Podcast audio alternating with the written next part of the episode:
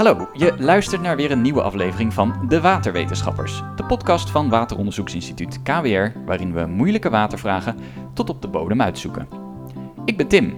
En ik ben Els. En in deze aflevering stellen wij Nienke Mekel en Frederik Been, onderzoekers waterkwaliteit en gezondheid, de vraag: hoe vind je onbekende stoffen in water? Welkom uh, Nienke en uh, Fred. Dankjewel. Bedankt. Nienke, kan jij misschien uh, kort uitleggen wat jij bij KWR doet? Ik werk als chemisch onderzoeker bij het team Chemische Waterkwaliteit en Gezondheid. En ik hou me dus bezig eigenlijk met de vraag die het thema is van deze podcast. Hoe meet je onbekende stoffen in water? En ik hou me vooral bezig met de data-analyse. Um, bij die onbekende stoffen? Ja, bij die onbekende stoffen, ja. ja. En uh, Fred, wat doe jij bij KWR? Nou, ik uh, doe eigenlijk uh, hetzelfde als Nienke. Ik ben ook in de chemische waterkwaliteit en gezondheidsgroep. hou me met dezelfde onderzoeksvragen bezig. En naast mijn werk bij KWR zit ik ook als assistant professor bij de Vrije Universiteit in Amsterdam. Waar ik ja, deels dezelfde onderzoeksvragen heb. Hoe vind je onbekende stoffen in water is dus onze vraag. En, en, we hebben begrepen dat je daar dus bepaalde technieken voor kan gebruiken. Kunnen jullie daar iets meer over vertellen? Het codewoord eigenlijk voor die, uh, die, uh, om die vraag te beantwoorden is non-target screening. En dat klinkt heel moeilijk, uh, maar dat betekent eigenlijk dat je zoveel mogelijk probeert te meten. Dus we, we hebben allerlei analytische apparatuur staan hier op het lab. En um, die gebruiken we om zoveel mogelijk, eigenlijk alle stoffen die we in het water tegenkomen, om die proberen op te meten. Um, en daar uit die brei aan data die daar dan uitkomt, onderscheid te maken tussen de relevante stoffen en de irrelevante stoffen. Relevante stoffen zijn in dit geval, zeker als je van water drinkwater wil maken, uh, de stoffen die mogelijk schadelijk zijn. Ja. En die probeer je eruit te vissen en te identificeren, dus een label eraan te hangen van, oh, dat is deze stof, bijvoorbeeld paracetamol. Nou, die kennen we dan wel, dat is geen onbekende stof meer. Um, en ja, dat is eigenlijk non-target screening. Oké, okay, dus je, hebben, uh, je probeert zoveel mogelijk stoffen te vinden in dat water. En dat is dus anders dan, nou ja, laten we zeggen een analyse waarbij je zegt, oh, ik zoek nu paracetamol. Ja. Want dat, dat doe je dus ook vaak. Uh, haal ik hier een beetje uit. En wat jullie dan dus doen is, nee, ik weet niet waar ik naar op zoek ben. Ja. Ik ga gewoon kijken wat ik tegenkom. Ja, precies. Ik denk ook uh, een, een manier om non-target screening te zien is uh, normaal worden, zoals je zegt, wat mensen vaak misschien al hebben gehoord, doelstofmethodes gebruiken of doelstofanalyses worden uitgevoerd. En dat zijn dan gerichte analyses op ja, een lijst van bekende stoffen, paracetamol of andere stoffen. Wij weten dat ze mogelijk aanwezig zijn in het water en die gaan we dan specifiek uh, op zoek naar. Maar zoals Nienke zei, er zijn ja, mogelijk heel veel andere stoffen aanwezig. Bepaalde daarvan zijn onwenselijk omdat ze uh, ja, toxisch, potentieel toxisch zijn. Hoe kunnen we die opsporen als we niet weten of ze wel aanwezig zijn of welke dat zijn? Daarvoor wordt dan zogenoemde non-target screening, of wij noemen het vaak NTS, um, daarvoor gebruikt. Ja, om, om, om te illustreren, ik heb vandaag even opgezocht voor, voorafgaand aan deze podcast. Momenteel zijn er 116 miljoen stoffen geregistreerd in de PubChem. Dat is een uh, online database waar we alle stoffen die we weten uh, in registreren. En wat we meten met die zogenaamde doelstofmethodes, dat zijn er misschien een paar honderd. Oh, dan ja. kun je zien, dan, dat illustreert waar we eigenlijk allemaal niet naar kijken. Het is niet zo dat al die 116 miljoen allemaal in het water kunnen voorkomen. Dat is een heel ander verhaal. Maar het is wel een, echt een verschil in orde grootte. Ja, zeker. En die nou ja, MTS, hè, zoals we het dus uh, kort noemen, is dat een nieuwe techniek of doen we dat al heel lang? Bij KWR uh, doen we dat volgens mij nu bijna zo'n zeker tien jaar. Mm-hmm. Misschien wel iets langer. In 2006 is um, het apparaat aangeschaft wat daarvoor nodig is bij KWR. Um, maar ja, het is nu echt up and running en we zijn daar heel, uh, ja, het is echt booming eigenlijk. Ja, en um, eigenlijk wat ook Nienke noemde, wat zij doet of wat wij allebei doen, dat is veel data, veel met data werken. En dat is eigenlijk een van de um, grote uitdagingen die je hebt met NTS of non-target screening, is eigenlijk dat je heel veel data genereert en dat je met die data echt aan de slag moet gaan om die stoffen op te sporen.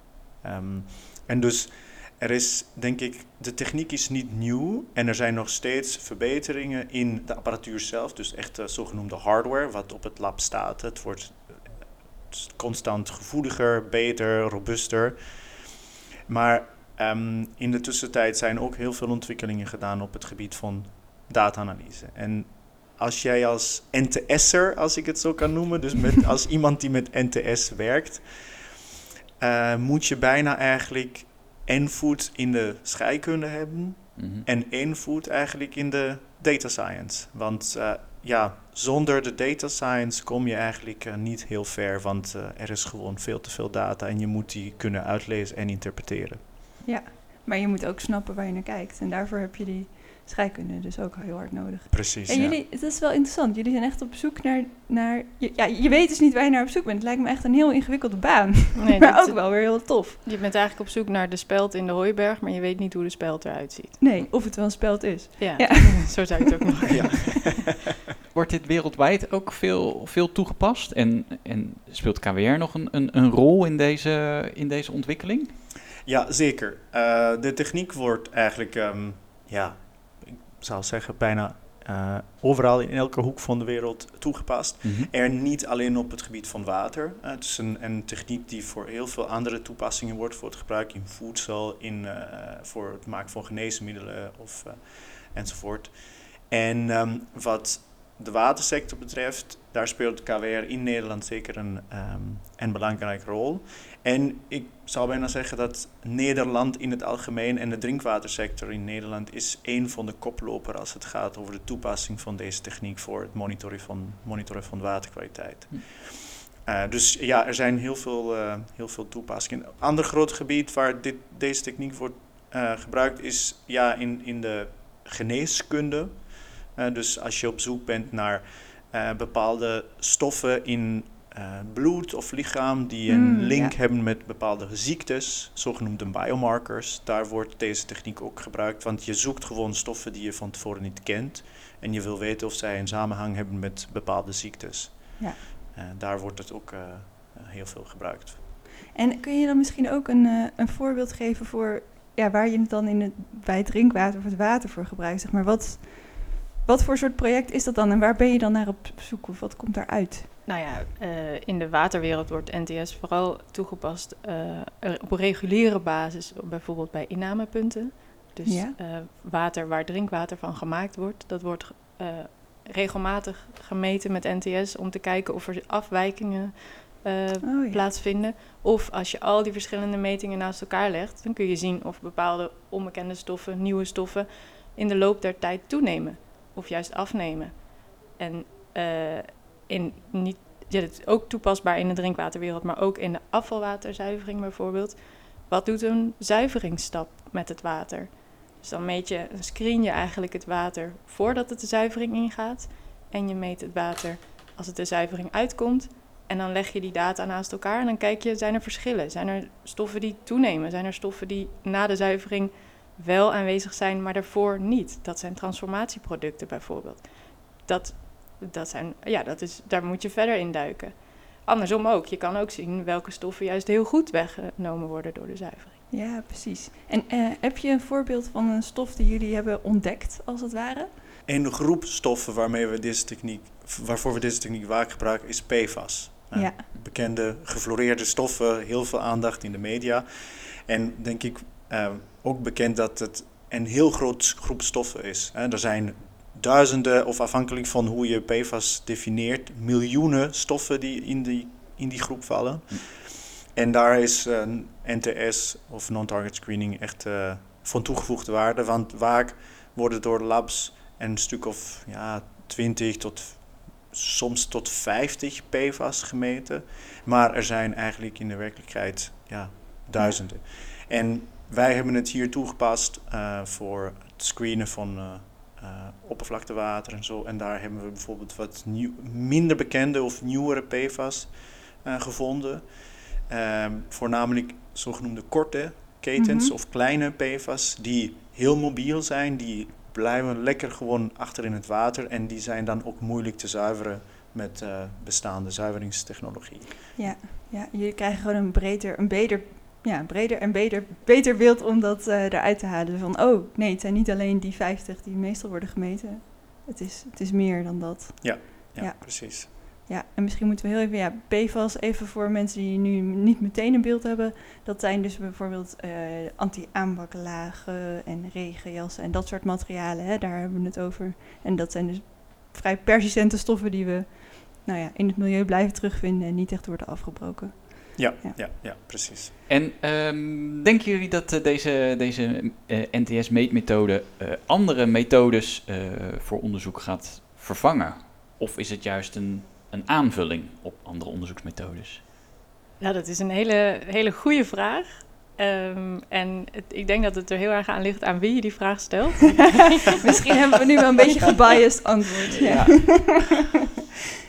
Ehm, ik denk dat ik hem eigenlijk niet eens echt kan beantwoorden. Ik denk dat het, dat het van heel veel factoren ehm, afhankelijk is. Mhm. Ehm, en het ook heel erg ligt aan hoe het opgezet wordt. Ook in, in Nederland bijvoorbeeld, hoe je dat afstemt. Daar zijn we ook, ja, zitten we eigenlijk middenin ook, eh, die ontwikkelingen. En, en welke weg gaan we inslaan daarin?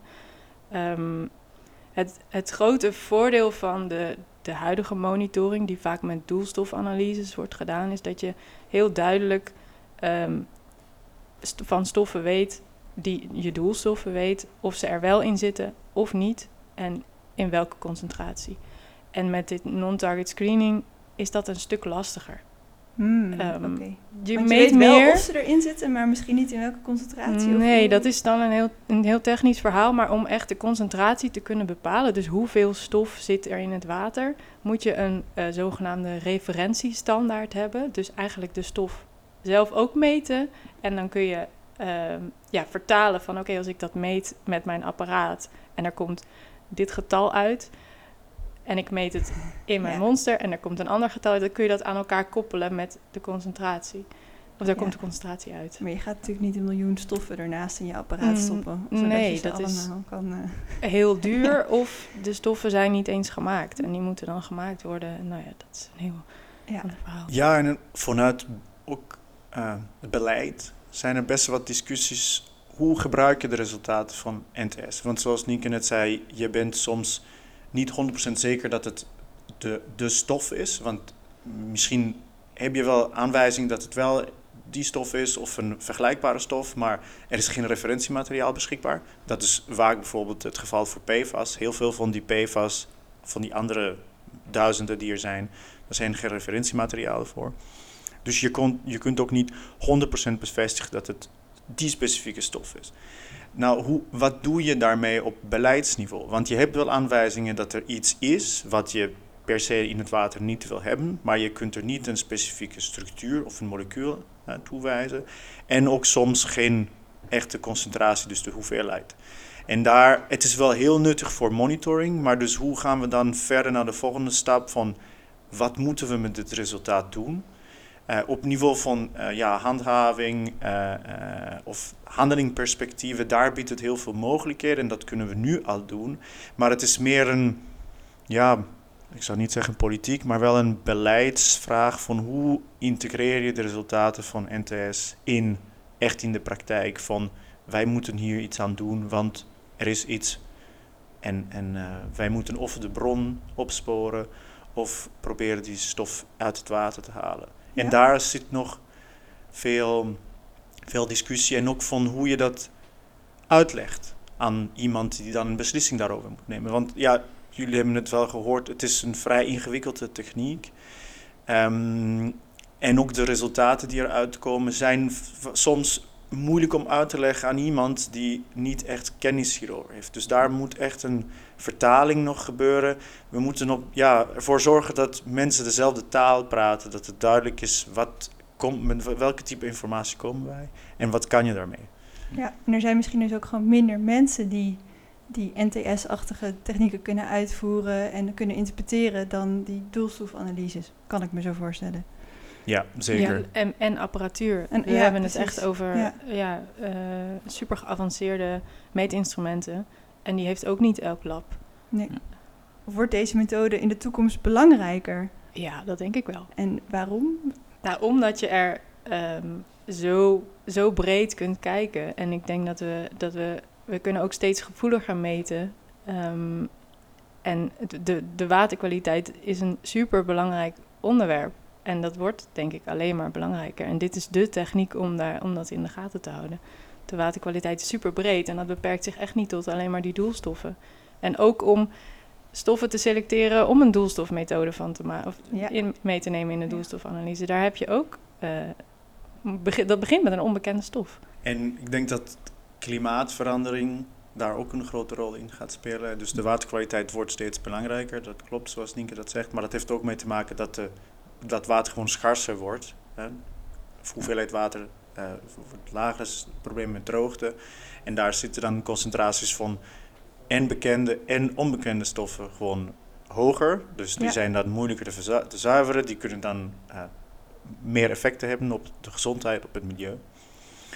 En wij weten gewoon ook veel meer over wat stoffen doen aan de mens en het milieu. En daarom ja, moeten we gewoon beter in kaart brengen wat, wat, welke andere stoffen zijn er.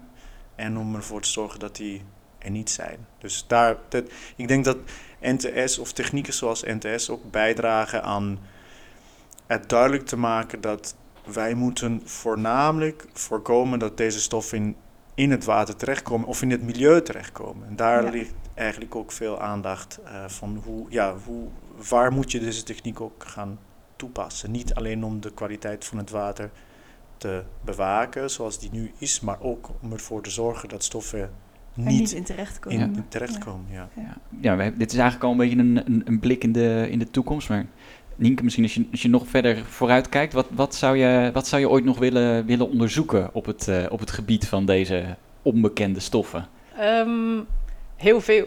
Ja. Ehm, ik, ik, ja, ik hou me dus zelf nu heel erg bezig met die data-analyse. En hoe krijgen we de meest waardevolle informatie uit die brei aan data? En ik, ja, mijn droom is eigenlijk dat dat uiteindelijk met, bijna met één druk op de knop zou kunnen. Dat je zoveel tools en, en methodes hebt om echt je data-analyse te richten op de potentieel toxische stoffen. Mhm. Ehm, Maar dan zijn we zonder banen. Ja. ja. Iemand moet dat onderhouden. ja. Nou, en er komen vast ook weer nieuwe stoffen die dan nog weer misschien niet in de- die tool zitten. Maar goed, Ja. ja. En jij, eh, Fred, als je in de toekomst eh, kijkt, wat, wat zou jij nog heel graag een keer willen onderzoeken op dit gebied? Oh, ehm, er zijn heel veel toepassingen. Maar ja, ik blijf ook wat. Nienke en ik delen eigenlijk de interesses. Dus Mhm. eh, ik, ik vind ook ehm, ehm, het verder ontwikkelen van data-analyse toepassingen, waar je gewoon de, ehm, eh, de gebruikbaarheid van NTS makkelijker maakt. Dat het meer wordt toegepast, ook door andere laboratoria. De drinkwaterlabs eh, in Nederland gebruiken deze techniek al. Ehm, maar dat het gewoon nog verder wordt uitgerold naar bijvoorbeeld meer in, in de richting van, van waterschapslaboratoria. Die wel NTS gebruiken, maar eh, ze doen het vaak niet zelf. Hm. Ehm, en ja, het, het, eh, eh, wat kunnen we meer met die data die uit deze apparatuur komt? Eh, kunnen we altijd iets zeggen over de toxiciteit van de stoffen zonder dat we weten wat het voor stof is of zijn? En dat is wat Nienke doet als, als PhD-onderzoek onder andere. Ehm, ja, dus data, data, data science eigenlijk. Dat is, dat is de toekomst. Maar ik denk ook, ook niet te vergeten dat daarnaast ook nog heel veel ontwikkelingen gaande zijn aan de laboratoriumkant. Dus echt de, de analyse. Ehm, want we zijn nu wel beperkt tot wat we kunnen meten. Ehm, maar misschien kunnen we nog wel meer meten als, de, als we nog betere methodes hebben. En, dus dat is ook een super interessante ontwikkeling. Ja, want dat, dat, daar breng je wel een belangrijk punt naar voren, Nienke, is dat wij kunnen niet alles zien. NTS biedt de mogelijkheid om heel veel te zien, veel meer. Maar we kunnen nog steeds niet alle stoffen die potentieel aanwezig zijn zien. Dus dat is maar een percentage. Hoeveel weten we zelf ook niet. dat is dan echt een grote onbekende natuurlijk. Ja, Precies, ja. ja. Ze noemen dat ook wel de unknown unknown. ja precies. In deze aflevering stelden wij Nienke Mekel en Frederik Been de vraag: hoe vind je onbekende stoffen in water? Nou, we hebben sowieso geleerd dat daar dus een techniek voor is om die onbekende stoffen in water te vinden. Non-target screening of NTS. Waarbij je dus op zoek gaat naar ja, dingen die je nog niet weet. Ik vind dat fascinerend. Eh, en dat dat dus iets heel anders is dan doelgerichte analyse, waarbij je weet ook zoek deze stof en dan kun je ook de concentratie bepalen. Maar hier kun je dus eigenlijk heel goed op basis van dus een sample van water, maar dat kon dus ook in eh, bloed bijvoorbeeld, gaan kijken wat zit hier eigenlijk allemaal in. En wat Nienke ook aangaf uh, in een afvalwaterzuivering, wat gaat erin, wat gaat eruit, neemt iets toe of af. Dus op die manier kun je heel veel te weten komen over um, welke onbekende en misschien ook ongewenste stoffen er in dat water zitten. En dan kun je ook gaan nadenken van, goh, uh, hoe krijgen we die eruit? Of nog beter, zoals Fred ook zei, van ja, hoe zorgen we ervoor dat ze er niet in komen? En uh, dat is een heel veelbelovende methode. Daar hebben we het ook over gehad, dus dat weten we ook. We gaan er nog veel van horen. Data-analyse is super belangrijk. Het is ook een ingewikkelde methode. Het is complex. En um, ja, bij KWR staan we hier best wel uh, ver voor uh, mee in de ontwikkeling en zijn we hier heel goed mee bezig. Dankjewel voor het luisteren naar de waterwetenschappers. Ga naar kwrwater.nl slash podcast om je te abonneren via jouw favoriete podcast app. En heb je zelf ook een moeilijke watervraag? Stuur hem dan in via info.kwrwater.nl Volgende keer zijn we er weer met een moeilijke vraag en een slimme waterwetenschapper. Tot dan! Tot dan!